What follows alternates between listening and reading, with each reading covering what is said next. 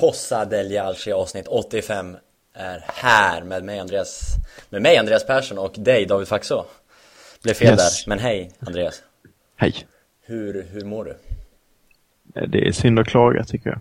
Är du helt frisk nu? Ja, återställd. Tillbaks och, på jobbet? eh, och i träning och allting så att Oj. eh, kroppen fungerar som den ska. Hur tränar du nu mer? Ja, det är lite gym och det är lite badminton och det är lite smått och gott. Fotboll, korpfotboll.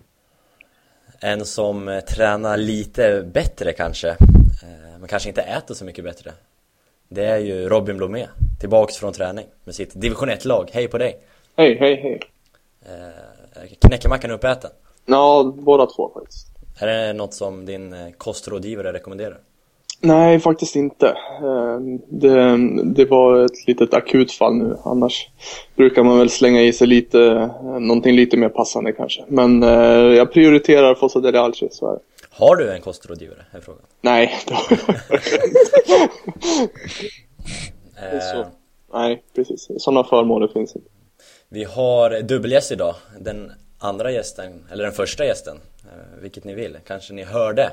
Sitter ungefär 30 centimeter från Robin skulle jag gissa. Vicky Blomé, hej på dig. Hej! Hur, eh, hur mår du? Jag mår bra. Du eh, tränar inte lika mycket längre. Nej, jag gör ju inte det. Och då måste man äta mindre också, det är problemet. Mm, mm. Eh, du la, la ner din eh, professionella karriär, eller vad man ska... Din högre karriär än Robin i alla fall, högre upp. Ja, precis. Ja, nej, i somras la jag ner. Så nu är jag en avdankad fotbollsspelare helt plötsligt. Eller en renodlad eh, fotbollstyckare med dina texter på, eh, på Solo Calcio och även här i podden. yes, vi får se det som det istället. Och lite tränare är jag på väg att bli så. Ja, snyggt, snyggt. Eh, vad ska vi prata om idag då? Eh, Andreas, vi tänkte väl sammanfatta lite säsongsinledningen. Mm, det var tanken. Eh, Få lite nya infallsvinklar. Mm, dubbla sådana, eller Mm. två likadana kanske, det får vi se. Eh, vi har också någon fråga från, från läsare, eller lyssnare heter det kanske. Och vi har lite veckans ost, veckans fax. Så eh, vi, vi kör på. Mycket att stå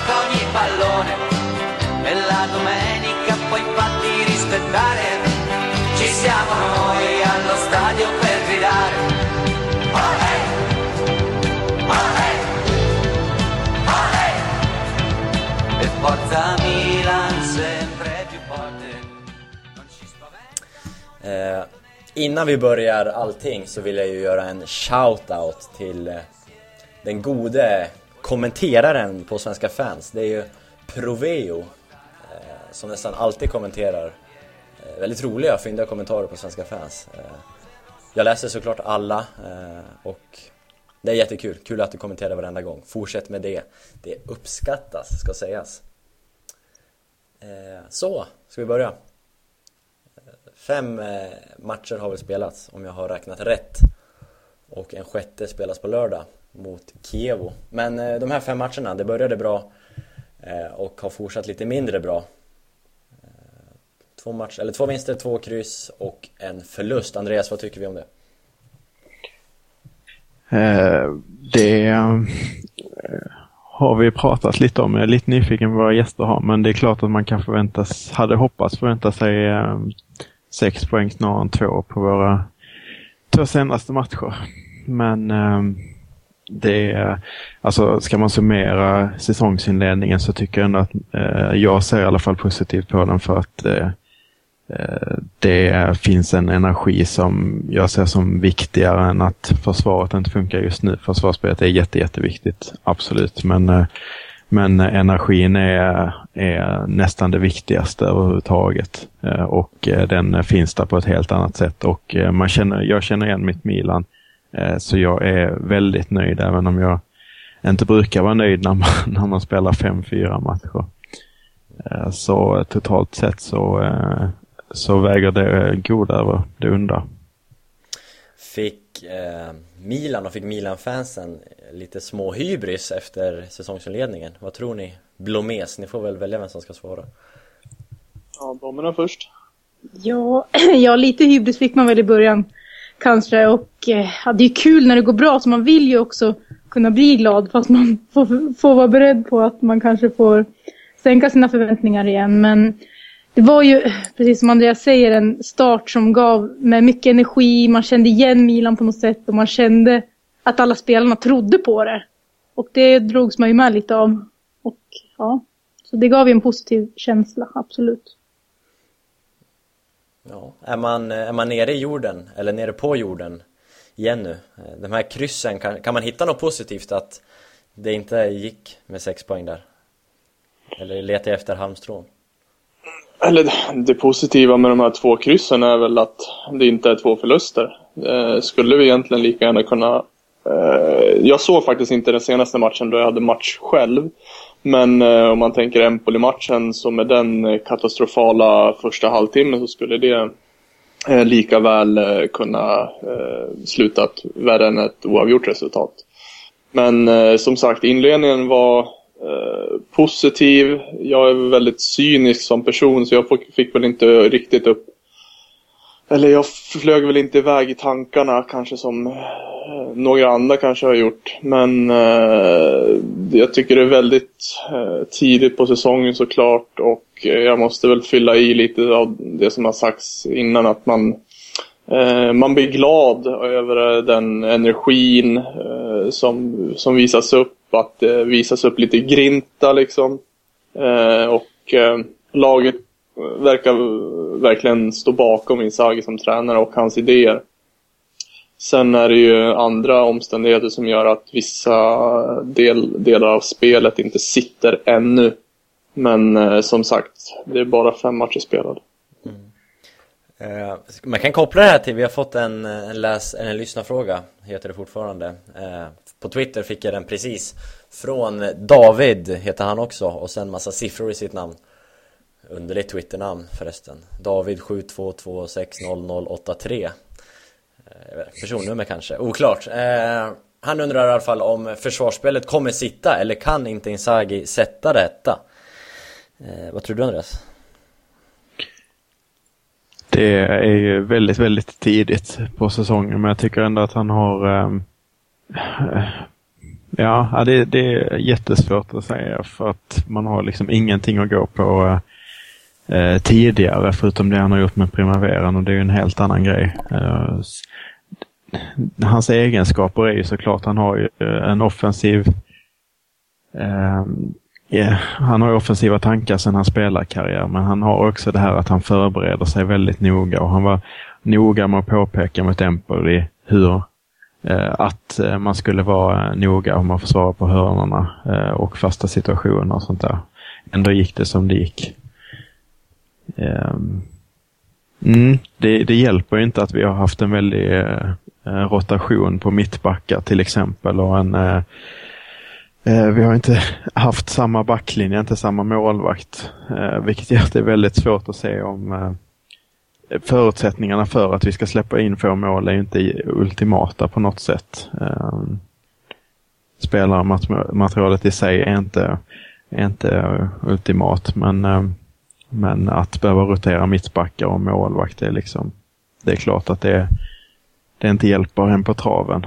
Men om jag säger så här, visst har han har varit tvungen att rotera mittbackar, eh, ska jag säga med tanke på Alex skada bland annat. Men han har också varit sagt att mittbackarna ska anpassas beroende på motstånd. Eh, jag väljer de två som är bäst för dagen. Eh, det är så han har motiverat valet att spela Bonera flera gånger. Till exempel. Ehm, och du ser att han har varit lite, alltså jag vill inte, jag vill, det jag vill, få, jag vill få fram är att han kanske inte har varit tvungen att rotera så pass mycket som han ändå har gjort. Eh, Zapata har varit eh, frisk hela säsongen, nu är han avstängd i och för sig. Men han har kunnat spela hela säsongen, han har inte gjort det. Eh, Rami har väl varit frisk hela säsongen också, men ändå är det Bonera som har varvats in och lite sådana grejer. Så han har ju kunnat haft ett mer fast, även om det inte varit helt möjligt. Mm. Ja, absolut. Jag tänker mest på Alex som är, får ses som en kugge. Eh, kanske den största kuggen. Eh, och givetvis Diego Lopez också. Eh, men eh, det släpptes ju in eh, tre mål innan Diego Lopez eh, blev skadad mot Parma. Eh, ja, det, är- det är svårt. Jag vet inte hur ni ser på det.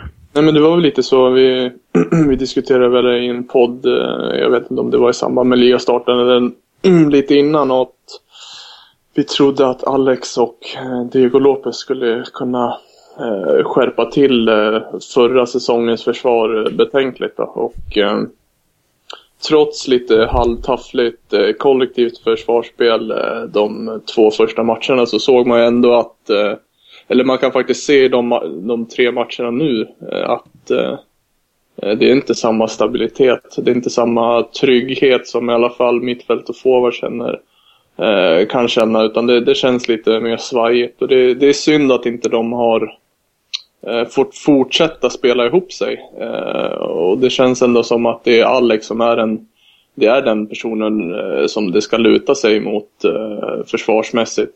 Eh, det är som ni säger, det, det har blivit tyvärr som eh, i princip hela höstsäsongen såg ut förra året. Ett jäkla hattande och roterande. Eh, som, ni, som Faxo säger, det är kanske lite mer än vad som skulle behövts. Men eh, eh skadorna det har ju, har ju gjort att eh, det har inte, det har inte kunnat eh, liksom spelas ihop en, en backlinje för, för som kan i alla fall eh, som man kan lita på som, som, eh, som laget kan luta sig mot och förs- försöka spela in någon form av trygghet. Det har ju, det har ju varit, ah, speciellt Bonera då, som har varit individuella misstag under många av målen som har blivit till på det sättet. Men jag vet inte om den här osäkerheten att man byter kanske spelar in. Nu har det kanske varit klara markeringsmissar till exempel på Bonera. Men det är någonstans kanske den här att man byter, spelar med olika spelare in. Det finns inte samma kommunikation. Har någon slags inverkan. Eh, vi har släppt in nio mål. Ah, två är självmål och ett är en riktig målvaktstabbe. Det är svårt. Det är svårt att hitta en trygghet mellan dem på grund av sådana saker. Och därför kommer de här misstagen också. Det är svårt att sätta en backlinje och svårt att värdera det också när det kommer sådana här enkla misstag eller vad man ska kalla det. Ni som eh, har spelat och spelar fotboll på hög nivå och Robin du är till och med, du är ju till och med försvarare. Hur viktigt är det att man att det är samma folk som är där bak i laget? Nej, alltså jag, jag anser att det är A och O. Därför tycker jag mm, Insagis ord om att man ska rotera eh, beroende på vilket anfall man möter. Det köper inte riktigt jag. Eh, för så, tycker inte, så mycket tycker inte jag det skiljer mellan, eh, mellan de, eh, de alternativ som finns. Det finns inte någon som har någon extrem egenskap som bara som, eh, som av den anledningen ska roteras in. Nej, så, som sagt, det, det skänker en eh, Eh, det skänker en trygghet. Eh, inte kanske för att en backlinje är bättre än andra, men att man vet vad som ska hända. Och det, det gäller inte bara försvarsspelet, det gäller det offensiva spelet. För det är oftast, eh, det är oftast försvarsspelarna som har bollen först i, i anfallsspelet. Och man, man, vet helt enkelt vad som ska hända och vilka styrkor och svagheter de, de spelarna man har runt sig har. Så på, på alla sätt och vis är det, är det en nackdel att eh, det hattas runt med folk. Sen kan man ju jämföra med, om vi skulle jämföra med Roma, så där har de ju bytt mer och det har funkat vem, vem som än har spelat i princip. Men de har ju kommit längre i hela sitt organisations och försvarstänk. Det började redan förra sommaren och det har suttit länge och det har gått så pass bra och de har nått resultat med det. Men där är ju Milan mil ifrån.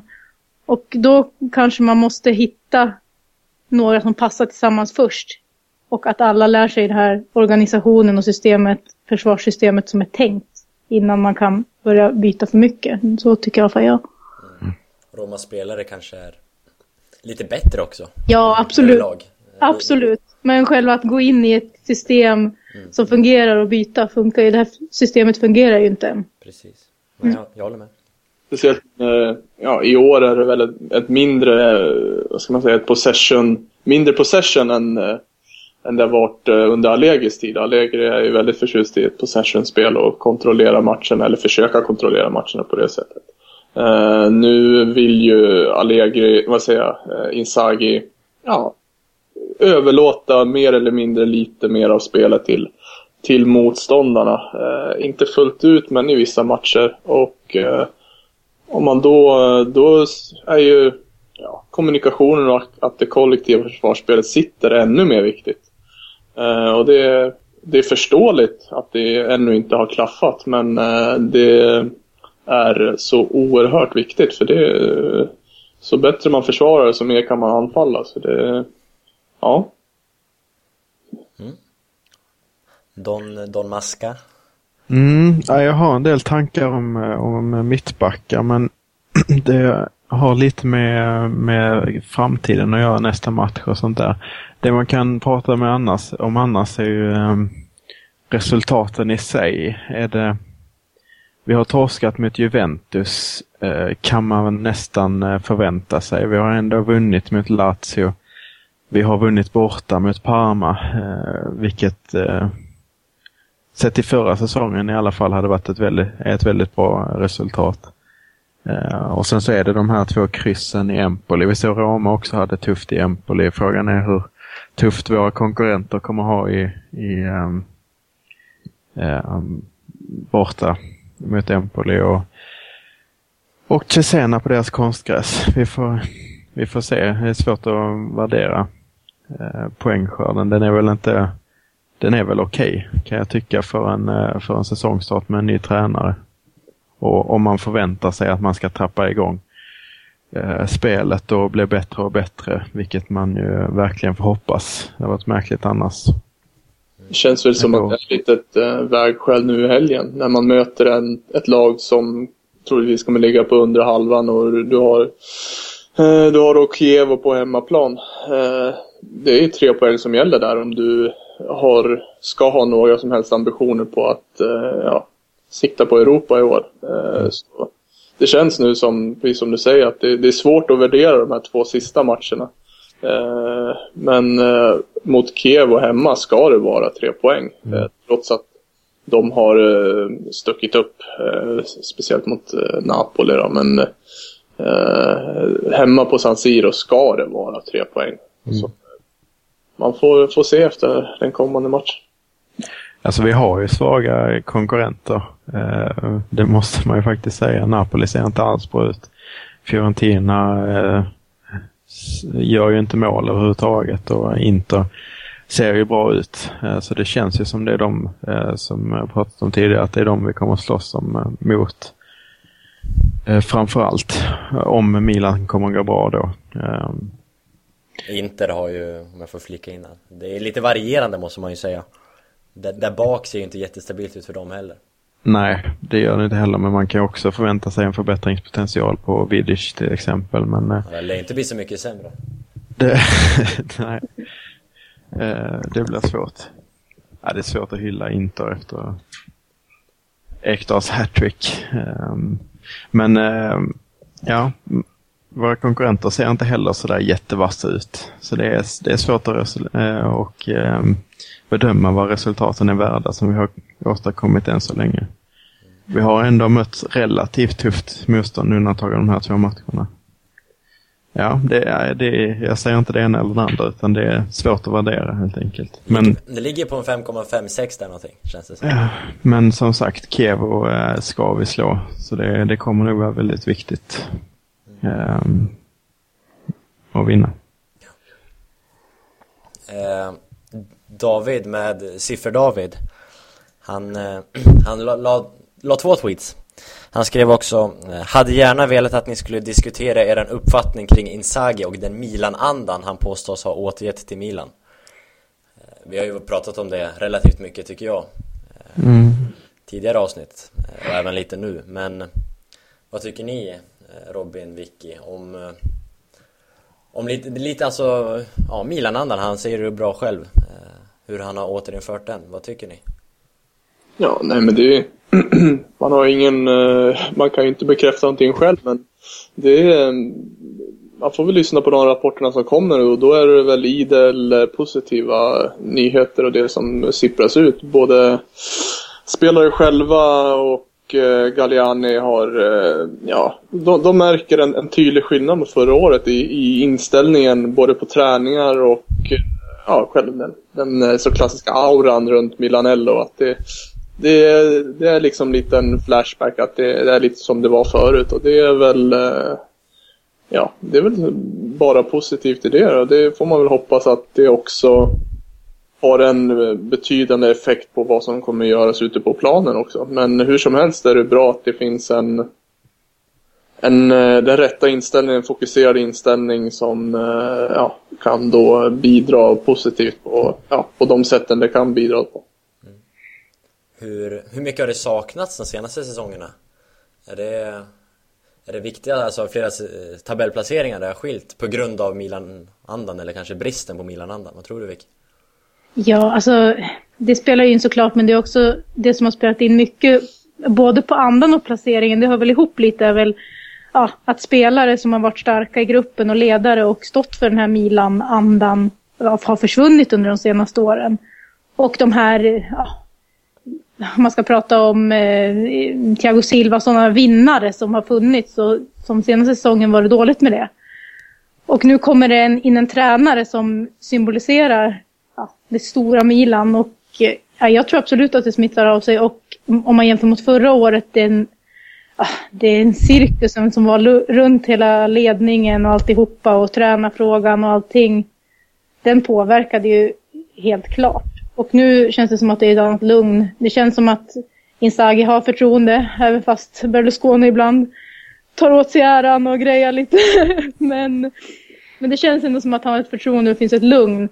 Och att eh, ja, Berlusconi är ju faktiskt närvarande nu också så att eh, det påverkar säkert i, i det också. Så att jag, jag tror det spelar in mycket att Inzaghi, han har respekt för spelarna och jag tror de har respekt, stor respekt för vad han har gjort i Milan. Det borde de ha och det hoppas jag att de har. Jag håller med dig. Det, det tror jag verkligen.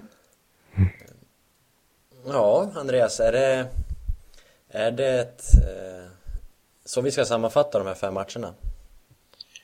Ja, men det tycker jag är en bra sammanfattning. Det är inte, vi har inte så jättemycket att gå på så jag tycker inte man ska spekulera allt för vilt och hamna, hamna långt eh, borta. Och, jag tycker man ska hålla sig till det man har sett och, eh, och lämna mycket öppet för det är mycket som är öppet. Men, vi, eh, ja, förlåt. Vi har ju gjort eh, flest mål av alla lag tillsammans med Inter så att anfallsspelet ska man väl ändå vara nöjd med. Fast man alltid vill ha mer så har ju det faktiskt sett bra ut och vi har gjort mycket mål. Så mm. Det är ju något positivt ändå de här första fem matcherna. Om vi tittar större då, en liten snabb sammanfattning av Serie A. Kan vi dra några slutsatser redan nu? Tycker ni? Ja, det, den tydligaste är att det kommer bli ett tvåmansrace där uppe i toppen. Det, det är ingen... Eh, man behöver inte vara eh, aktuell för att åka ut i rymden för att kunna eh, konstatera det. Det är att det är två lag som är minst en nivå över alla andra. Det, är, det är klasskillnad faktiskt. Det såg man nästan i ah, det har man sett i de flesta matcherna. Det, Juve och Roma är så otroligt tunga. De har en sån otrolig Eh, bredd, eller, bredd på sina trupper.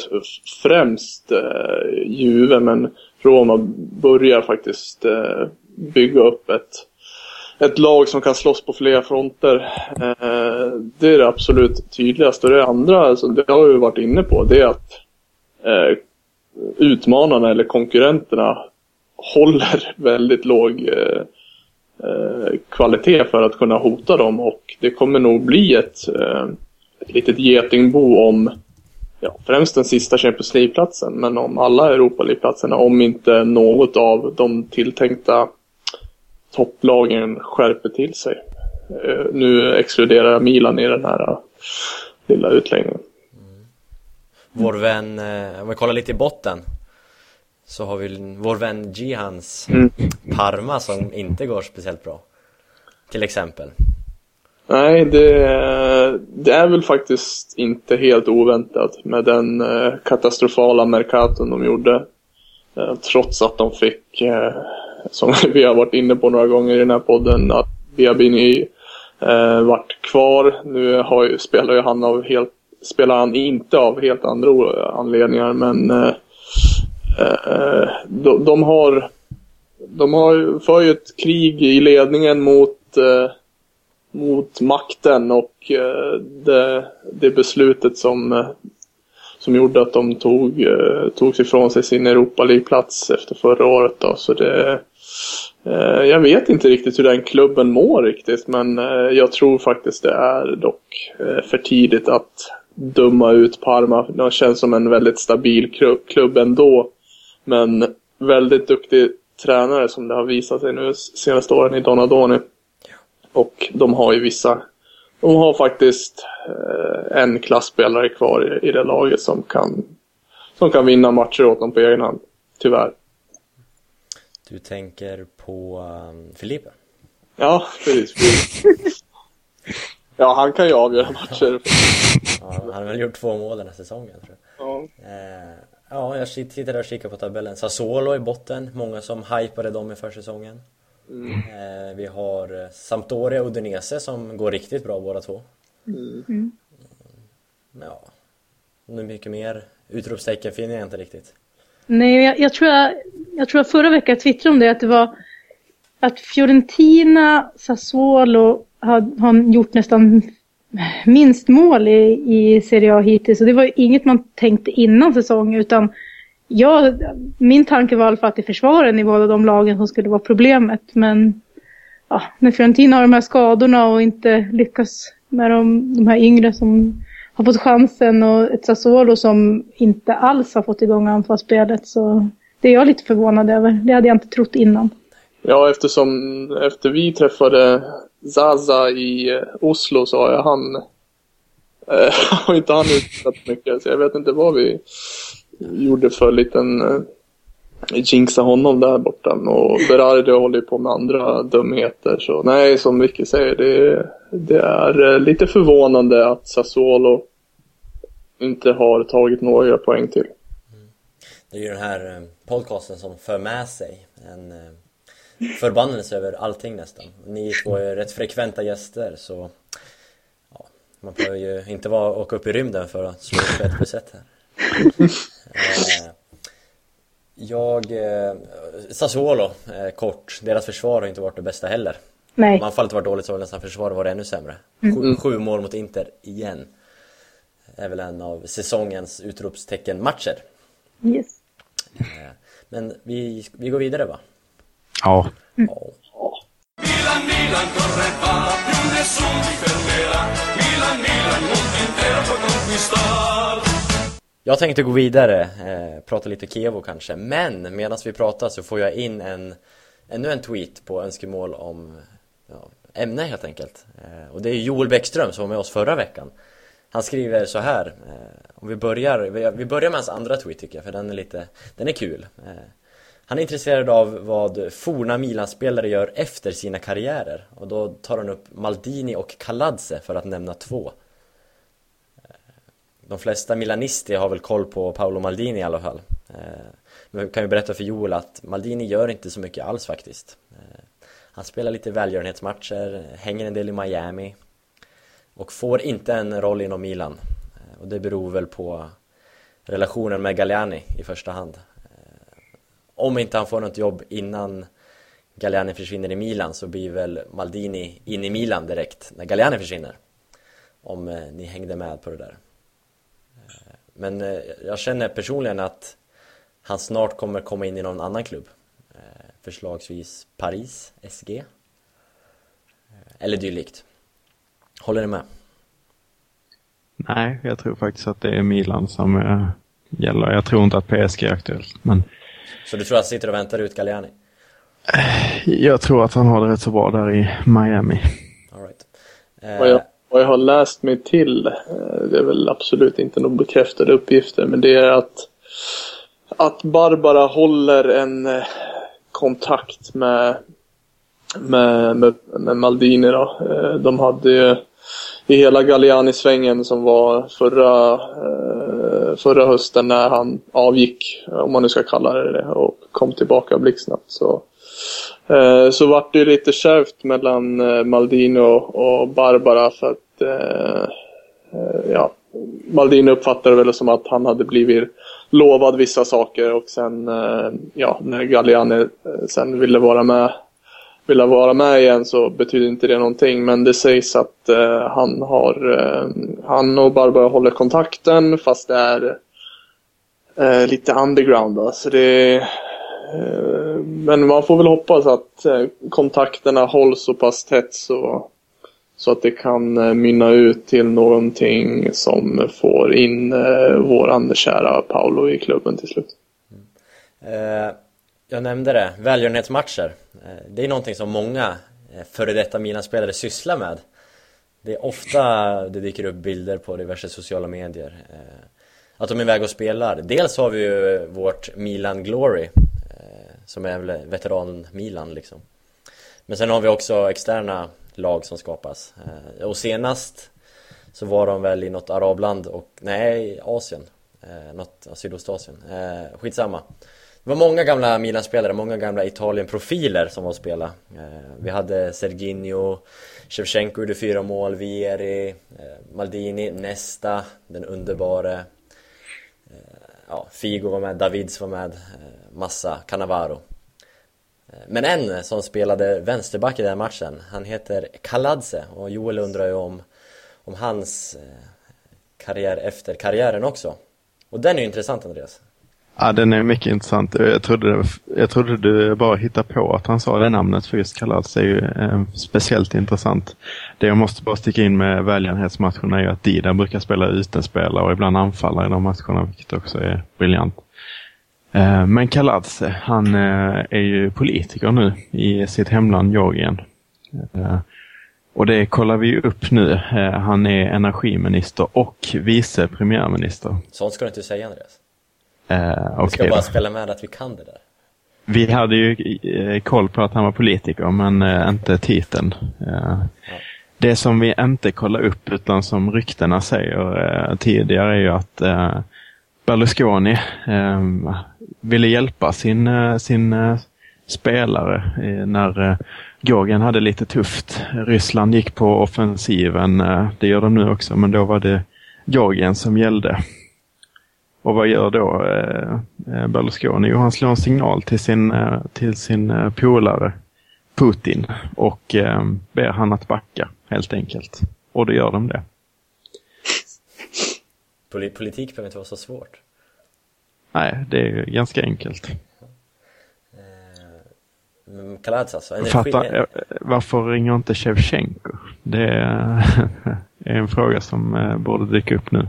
För Shevchenko är väl även han inblandad i politiken? Vill jag Ja. minnas. Eh, när han inte är golfspelare, för han spelar ju massa golf också. Så har ju Shevchenko klivit in i den ukrainska politiken. Eh, vilken titel han har är jag osäker på. Det kanske, har ni någon koll på det? Nej, det har jag inte. Men han borde ju också ringa en... Eh, han fyller år på samma dag dessutom som Berlusconi. Var för någon dag sedan nu. Eh, borde också slå en signal och, och be Ryssland att eh, backa lite. Frågan är om politik är lika lätt då, eller nu ska jag säga, som det var då. Mm. Berlusconi har väl inte riktigt samma inflytande längre. Och Putin har kanske mer inflytande. Ja.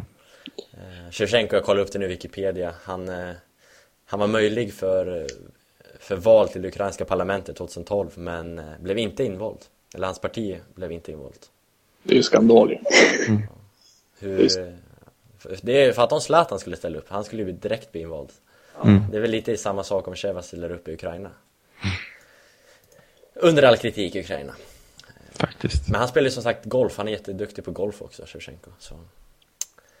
Han gör lite allt möjligt. Eh, har vi några andra eh, kul fall? Baresi är ju i klubben, eh, även om han inte har någon riktig roll, men han är väl representant, kort och gott. Ja, någon form av ambassadör. Eh, Serginho var vi inne på, han har väl blivit scout för Milan va? I Sydamerika, eller Brasilien? Ja, det har, det har väl hållit på med ett tag nu, några år. Så han, Det är inte jättebra för honom. nej, han eh, levererar inte så mycket men eh, det har väl kanske lite att göra med eh, Milans begränsade transfermöjligheter. Men han har väl tipsat en hel del har man väl läst om i alla fall. Men det är väl omöjligt att veta om de tipsen var bra eftersom de aldrig har kommit. Eh, ja, så Serginho är någon form av Brasilien scout för Milan. Eh, Och resten av alla före detta Milan-spelare spelar ju i Paris.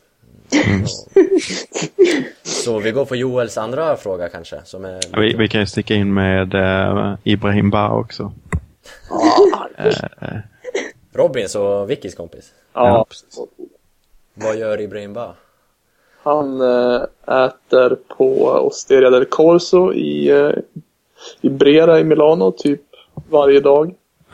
Sen hänger han mest. Ah, han är bra på att hänga. Det, eh, han, eh, han är ju han är ju väldigt uppskattad, Ibrahimba, Ibrahim av sina lagkamrater och har alltid varit. Det är väl så pass mycket så hans sista session i klubben var, eller kom till av just den anledningen. Inte att han var en fortfarande en duglig fotbollsspelare utan att han var en skön snubbe helt enkelt. Eh, Det är väl en eh, enorm bedrift i sig skulle jag säga. Att, Han värvades väl, eller togs in till klubben efter han hade varit i Djurgården va? ja, och blivit petad i Djurgården. Eh, Så nej, han ska ha all cred för det. Att han har gjort ett sånt pass gott intryck så på order av Ancelotti plockas in igen för att få en god stämning i, i omklädningsrummet.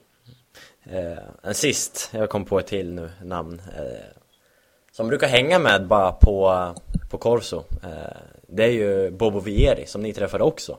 Mm. Eh, vet ni vad hans största fritidsintresse är? Brudar. Ja, okej, hans näst, hans andra fritidsintresse eh, Det är ju fotvolley heter det va? Eh, fotbollsvolleyboll Han eh, åker omkring på stränder runt om i världen och spelar fotbollsvolleyboll. Det är det som brassarna är så jäkla grymma mm. på. Men Vieri är rätt bra för han också faktiskt. Eh, Jag följer honom på Instagram, det rekommenderas varmt.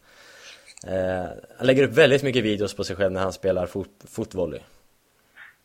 Är det Be- mycket- Beach fotvolley. Är det mycket på hans andra intresse också eller?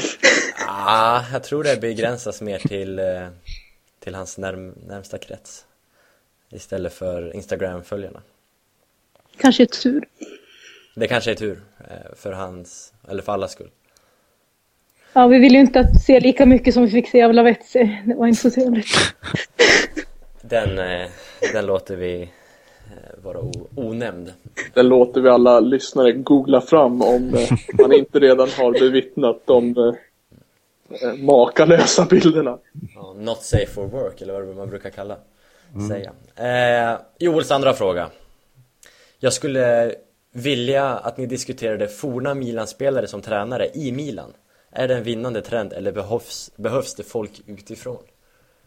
Eh, jag och Joel har ju personligen haft den diskussionen Vi hade det innan förra veckans avsnitt Vad vi tyckte om före detta spelare eh, Spelare som tränare i stort eh, Och jag vet ju att Joel är lite emot det Men vad tycker ni? Kan man generalisera så? Alltså, först och främst så är det väl otroligt många tränare som är gamla spelare. Ja. Menar han just då i, i, sin, i sin klubb, alltså där man, har, Ja. be, där man har bedrivit den största delen av sin karriär? Är det så han menar? Ja, på den här frågan är det det, ja Ja, okej. Ja, nej, vi har väl ett lysande exempel, det är Ancelotti. Ja, och Capello. Capello, ja. Capello främst eh, kanske, men eh, som man eh, kommer ihåg mest det är ju Ancelotti och vad, vad han betydde för, för Milan under hela 2000-talet. Så eh, det är svårt, svårt att utvärdera det faktiskt. Ja, alltså, jag kan Alltså- tänka mig att för tränaren själv kanske det kan bli jobbigt på ett sätt om det går dåligt om man har, ja, har sitt, liksom, sitt hjärta och allt i den här klubben. För ja, man är inte bara tränare då, utan man tränar sitt, sitt lag som man har i hjärtat som man har följt i alla år. Och en motgång då tror jag blir mycket jobbigare än om du mer är där och gör ditt tränarjobb för att komma vidare i karriären. Och säga, har man känslor med i det på det sättet tror jag det blir jobbigare i motgång. Men som, som ni säger, det är tydliga exempel på i alla fall i Milan att det har fungerat. Så Det är ju det är olika. Capello tog ju eh, tog ju Milan väldigt tidigt i karriären. Eh, skillnad mot eh, Ancelotti som var faktiskt en vända i Juve och eh, sen, eh, sen kom tillbaka till Milan. Eh, så och, eh, ja, du ser ju hur det gick för Cedorf, hans första. Och nu eh, Inzaghi har ju faktiskt bara varit i Milan han också. Så att eh, det är väldigt olika faktiskt. När, kanske under vilken tidpunkt man kommer till, eh, till sitt lag igen. Eh, Ancelotti fick ju faktiskt prova på det på högsta nivån med Juve i, ja, precis, i en annan klubb då innan. Så, Eh, eh, nej, det, det ska bli kul att se nu hur det går för Inzaghi och man skulle nog kunna ge ett mycket bättre eh, prejudikat på det här eh, när Inzaghi har gjort förhoppningsvis några bra år i, i Milan. Mm. Ja, alltså det, det är som sagt skillnad på Capello till exempel och Ancelotti. Ancelotti hade också varit eh, runt lite efteråt och eh, nej, jag ser inget problem i det alls. Eh, jag tycker ändå att i Italien så får man in så mycket andra influenser på olika sätt. Och både Inzaghi har visserligen bara tränat i Milan men samtidigt så har han spelat också i Juventus till exempel och fått de inflytanden därifrån. Eh, och ehm, Ja, eh, jag, ser inte det på samma sätt som i Barcelona där man stänger in sig i en källare och bara kör på sitt eget Eh, och plockar upp tränare. Och jag tycker att det funkar bra för dem också. Eh, eh, så att eh, jag ser inte något problem egentligen för Barcelona. De kör på sin filosofi. Eh, de plockar inte in alls influenser i princip. Eh, eh, och det funkar. Jag tycker Milan tar in mer influenser än, än så. Ska vi generalisera så har ju Italien en otroligt stark både tradition av tränare och eh, nu faktiskt det är väldigt många, eller de bästa tränarna skulle jag nästan säga, kommer eh, kommer ofta från, från Italien och har utbildats där eh, på Coverciano och det eh, så att just alla, alla gamla spelare går i sin skola också. Alla går på Coverciano och får, får samma otroligt högklassiga grundutbildning. Eh, så att eh, om man då ska applicera det på Milan så tror jag det är mer gångbart i ett italienskt lag än i eh, en engelsk, spansk eller en fransk-tysk klubb. Milan, Milan.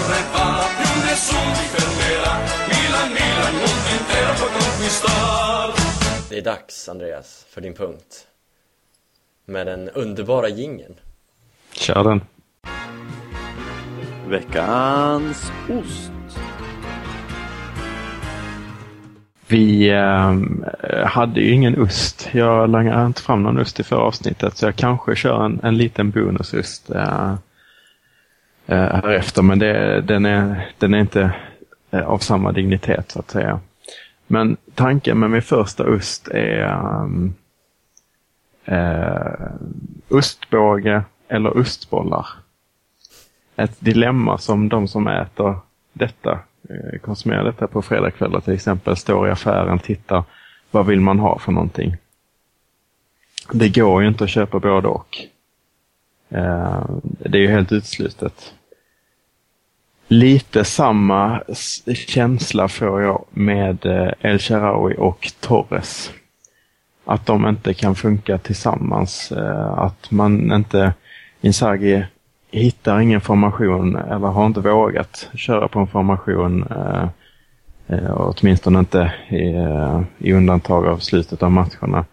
Eh, Där han får plats med både Torres och El-Sharawi. Och nu har vi sett El-Sharawi sitta på bänken ett eh, par matcher. Eh, vilket, ja, 4-2-3-1, 4-3-3, det har inte gjort någon skillnad. El-Sharawi har bara spelat när Menes har spelat.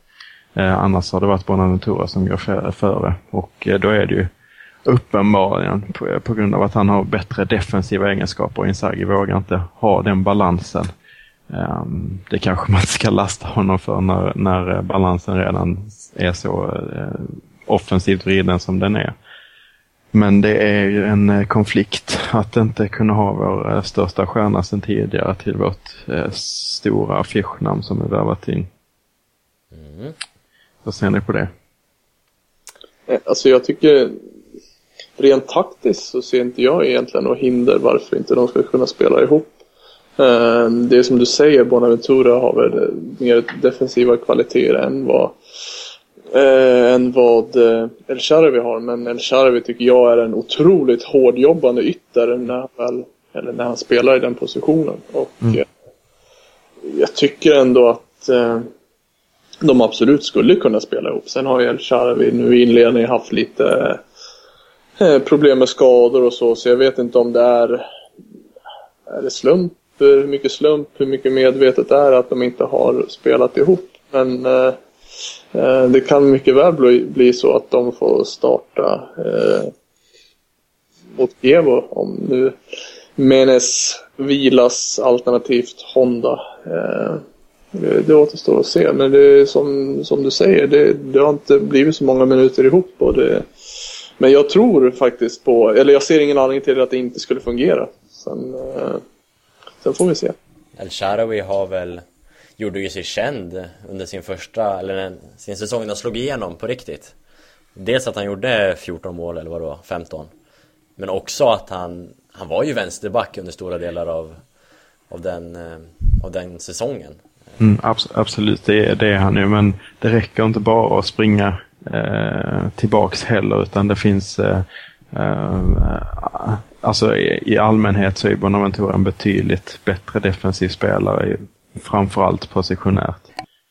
Eh, så eh, det är ju den eh, argumentationen som jag tror att Inzaghi eh, använder. Ja, alltså jag, jag får rätt så tydlig känsla. Visst, det Cherry har varit skadad, men han var ändå eh, förväntades vara 100 procent eh, eh, senast eh, mot Chisena. Eh, trodde att, eh, troddes att eh, han skulle starta, men så, så var Bonaventura där och El Shaarawy fick noll minuter sen. Visserligen så blev, hade vi en utvisning, men ja, jag, jag ehm, jag tror faktiskt att det kommer, det kommer vara eh, ett, svårt att, att få in dem i samma formation. Ja, jag, jag håller med Robin om att det är i tack, eller uppställningsmässigt tycker jag inte att de borde kunna spela tillsammans. Jag tycker de borde kunna. Så tycker jag det är konstigt det här med Charvi att han, är, att han får sitta på bänken.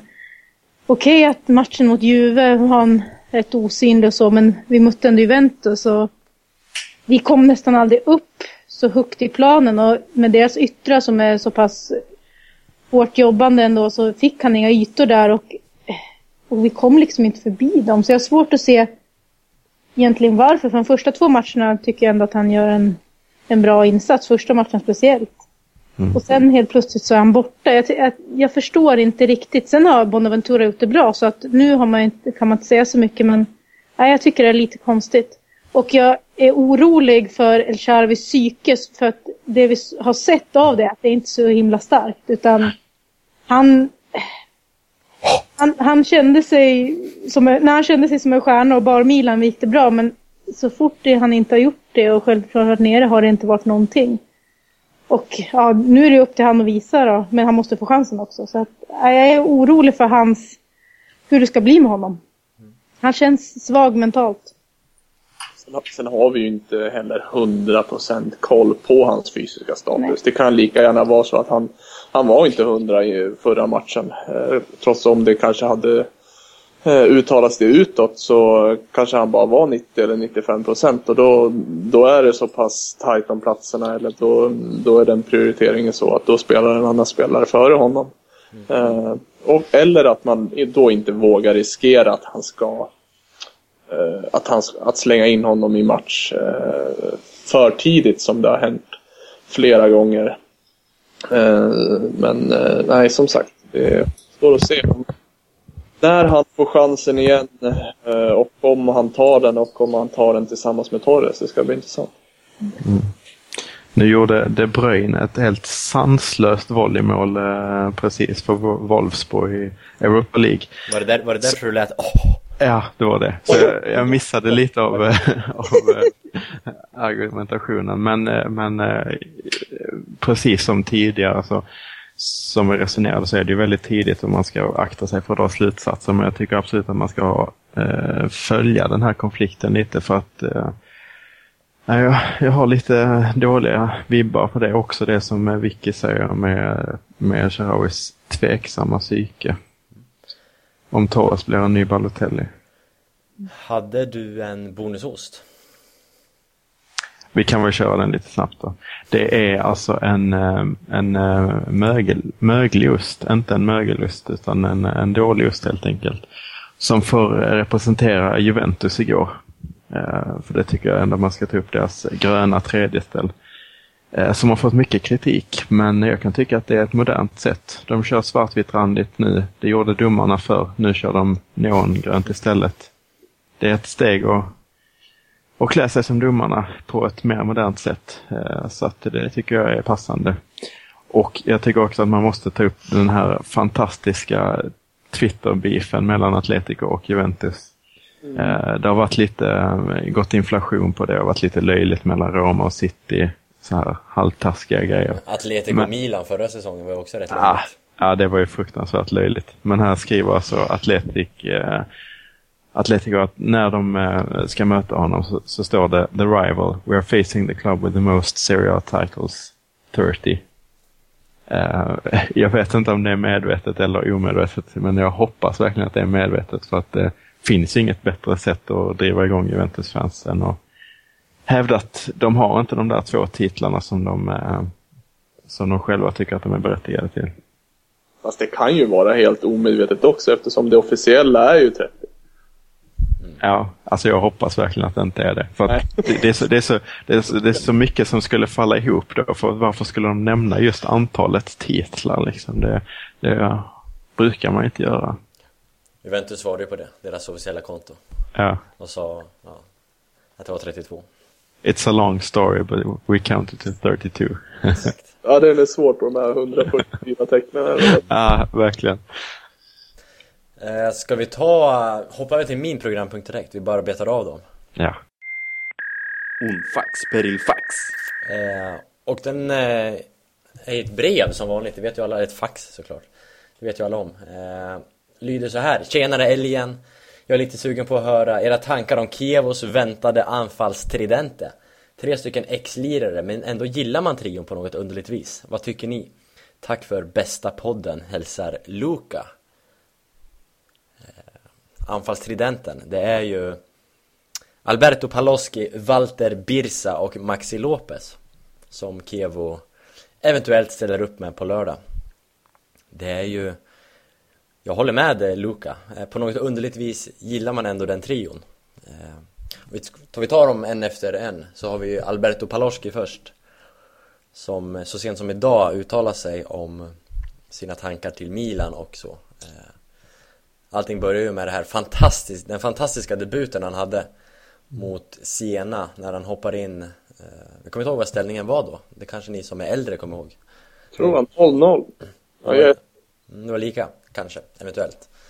Eh, Skitsamma, han gör mål efter 18 sekunder i alla fall på planen. Och det är väl fortfarande rekord i Milan på att hoppa in och göra mål. Vill jag minnas. Och firandet efteråt påminner ju varenda en. Och firandet i, idag också, 2014, påminner ju om hur Filippo Inzaghi brukade fira mål. Eller hur Filippo Inzaghi firar mål. ehm, och att Inzaghi är Paloskis idol eller förebild råder det inga tvivel om. Han berättade också i samma intervju idag att, att han har eh, Inzagis tröja från VM, eller Champions League-finalen 2007 hemma. Det är ju stort. Mm, verkligen. Och att hur Inzaghi gav honom råd och tips under Paloskis tid i Milan eh, Men vi, har, vi släppte väl honom nu i somras? Mm. En dold eh, budgivning va? Buste, som man säger. Så vi äger inte Paloski längre Hoppades ju länge att han skulle bli Inzaghi 2.0 Men han når väl kanske aldrig upp till det Dessvärre Men ändå skön, han har ju Milan-hjärtat Han firar som Inzaghi han älskar Inzaghi, så det är svårt att inte gilla Paloski. Mm. Och han har aldrig gjort mål mot Milan, men han brukar göra mål mot Inter till exempel. och Napoli, ja. Så Paloschi, är det någon som har någonting emot Paloschi? Nej, Nej. absolut inte. Det svår, som sagt, det är svårt att gill- att gilla Alberto. Bra. Eh, vi går vidare. Eh, Walter Birsa, nummer två. Kanske. Fenomen. Eh, så är det fenomen? Ja, Ja. Eh, det är ett fenomen. punkt. Eh, Walter Birsa äger vi fortfarande, han är väl utlånad till Kevo. Eh, och kan mycket väl återvända i framtiden, alltså. Om man, eh, om man ska vara lite krass, se krasst på det. Eh, vad tycker vi om Walter Birsa? Håller ni med Luka? Gillar man honom på något underligt vis? Ah, det är ju någon slags hatkärlek skulle jag säga. Alltså han... Ah, han gjorde ju faktiskt några bra insatser förra året men eh, det kändes lite som en parodi. Att det, var in, det är inte en spelare som, man, som ska spela i Milan. Hur många gånger man ens, nu har sagt sådana grejer men det var ju känslan. Trots att han rädd, faktiskt räddade oss, var det två matcher han avgjorde förra säsongen. Så att, nej, man gillar ju han på ett sätt. Det, det gör jag. Vi får väl akta oss för hans hörnor. I, antar jag. Ja, han blev ju känd för att han hade en fin hörnfot. Ja, jag, gillar han lite för det. Så att, eh, Man gillar, man gillar hans ramsa, Andreas. Du som gillar ramsor. Mm. Alltså det är ju bara jag som har kört den, men eh, Ja, Den är men ju det är det jag menar. Det är alltså är- vår den är ramsa. inte vedertagen riktigt. Den är ändå bra. Ja, verkligen. Samma ramsa som Ronaldinho en gång hade. Så att, eh, Och den, Maradona. Ja, och Maradona också. Så den går ju inte av för hackor så att säga. Ja, men det är ju naturligt. Maradona, Ronaldinho, Birsa, men det, det köper jag. Näringskedjan. Mm. Sist ut, eh, Maxi Lopez. Eh, jobbar man hashtag team Lopez eller hashtag team Icardi? Eh, Ja. Svaret på den frågan är ju samma för oss alla fyra. yes. Det är ju Icardis förtjänst eller fel att man eh, gillar Maxi Lopez så mycket kanske. Ja. Mm, helt klart. Och supermålet han gör mot Juventus. I samma match som även Jamel Mespa gör ett ännu bättre mål mot Juventus. Han gjorde ett riktigt bra mål mot Udinese borta också. Ja, det kommer jag ihåg. Ja just det, den ja. Oj, det var väl i den matchen det vände. Den eh, säsongen att när, när Milan började bli som mest uträknade för att hinna i fatt så var det väl där någonstans det vände faktiskt. Kommer jag ihåg. Och då var det gode Maxi Lopez som eh, stod för jag tror vi låg under i den matchen också. Jag tror vi vände till en 3-2 eller något liknande. Eh, då, då, då var en av, han en av målskyttarna med ett fint mål, vill jag minnas. Sen eh, har ju jag en personlig kärlek till Maxi Lopez. Han kan ju vara den enda i världen som har lika stort huvud som mig. Han har ju en gigantisk skalle, Maxi Lopez. Och det, så även jag. Den som känner mig och träffat mig vet ju om det. Eh, så jag känner ju någon form av broderlig kärlek till, till den gode Maxi. Det sägs väl det. Big head, big star. Just det. Har ni inte tittat på Entourage? Mm, ja, inte mycket, Nej. men eh, jag känner igen citatet. Ja, det, det är vedertaget det citatet. Det är eller? många som säger det till mig. Ja, precis. Eh, Så Luca, jag hoppas att du har fått förklaring till varför man gillar de här tre på något underligt vis. Man är inställd på att någon av dem kommer, kommer straffa Milan. Det känns ju som det verkligen. Har vi något mer inför den matchen, när vi ändå är inne på Kevo? Något, vi har pratat lite om hur anfallsspelet ser ut, Menes är tveksam eh, Honda vilas eventuellt eh, El Shaarawy, ja, har vi pratat om också Jag har en, eh, en eh, rätt så eh, viktig inflikning här på, för nu verkar det som 433 är det som, som gäller. Insager Inzaghi har kört det på träningen de senaste dagarna. Och jag tror att anledningen till det här är att Zapata är avstängd. Vilket kan låta lite märkligt kanske, men jag tror att eh, Inzaghi ser det problem som, eh, som eh, jag vet inte. Jag, jag ser i alla fall ett problem med att eh, spela 4-2-3-1 och inte ha eh, snabbhet i backlinjen. när man blir väldigt känsliga för omställningar eh, med de här två sittande mittfältarna som dessutom inte är de... De Jong har ju en snabbhet men eh, om det blir SCN till exempel som sitter där bredvid så eh, går det inte jättesnabbt. Eh, så att jag tror att eh, snabbheten i backlinjen blir väldigt, väldigt viktig om man ska lyckas med ett 4-2-3-1. Och jag tror faktiskt att det är därför Zapata är avstängd och därför spelar han 4-3-3. Jag tycker att eh, förra matchen när man spelade 4-2-3-1 så tyckte jag att det, jag tyckte det såg sämre ut än matcherna innan. Jag vet inte. Jag fick någon känsla av att man var för statiska och mer låsta sina positioner i det här 4-2-3-1. I 4-3-3 tycker jag det som var positivt är att ja, om man jämför med förra året har varit mer rörelse, man har mer löpningar in i andras ytor, man har ställt till det mer för motståndarna. Ja, det känns som att det funnits en mer frihet offensivt som har gjort mycket bra för anfallsspelare och det tyckte jag saknades lite förra matchen. Vi, vi vet ju vad vi saknade allihopa i den matchen. Får vi ens nämna vad vi saknade? Sully Montari. Det är ju Sully som saknas. Nej, skämt åsido, han skulle inte spela och han kanske inte ska spela nu heller. Eh, Men det är intressant, 4-3-3. Din tanke Andreas. Eh, Du var inne på det tidigare, eh, mittbackar. Var det det här du syftade på då eller? Precis, och det är därför jag tror att eh, kommer vi spela med 4-2-3 så kommer vi lösa eh, Eh, situationen av sig själv för att då är det Alex som alltid ska spela eh, när han är frisk eh, och i och med att vi måste ha snabbhet så måste vi ha Zapata. Jag tror faktiskt att eh, Inzaghi är det för att det stämmer i alla fall med hans laguttagningar än så länge. Men som sagt, försiktiga med att göra analyser så här tidigt. Men det, jag ser ett stort problem med att inte spela Zapata och spela 4-2-3-1. Och jag tror faktiskt att Inzaghi ser det också. Som ett problem. Ehm, Jag eh, tycker att det är lite överdrivet att ändra mittbackar utifrån motstånd. Det skulle vara extrema, alltså om man ehm, antingen möter två fruktansvärt snabba spelare eller möter två... eh, Man möter Jan två- Koller och Peter Crouch. Drogba liksom. Ja, precis. Då, eh, om man möter oerhörd kraft, styrka, i, i, då kan jag ju försvara Alex och Rami. Men annars så tycker jag att det är Zapata som ska komplettera. Bra, med de orden får vi avsluta Fossa del Alci avsnitt 85.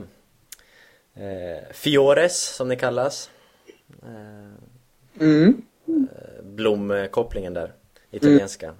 Eh, Den är- faktiskt väldigt fin. Eh, eh, Vi tack borde byta namn. Ja, har ni funderat på det? Du Nej, har precis alltså- bytt namn Vicky. Ja, jag vet. Min, eh, min mamma hette Fiorino innan hon gifte sig och det, det betyder ju faktiskt liten blomma på italienska så eh, Vi borde ha valt det direkt när vi gifte oss. Det var ett fel beslut att ta Blomé. ja, det, du hör.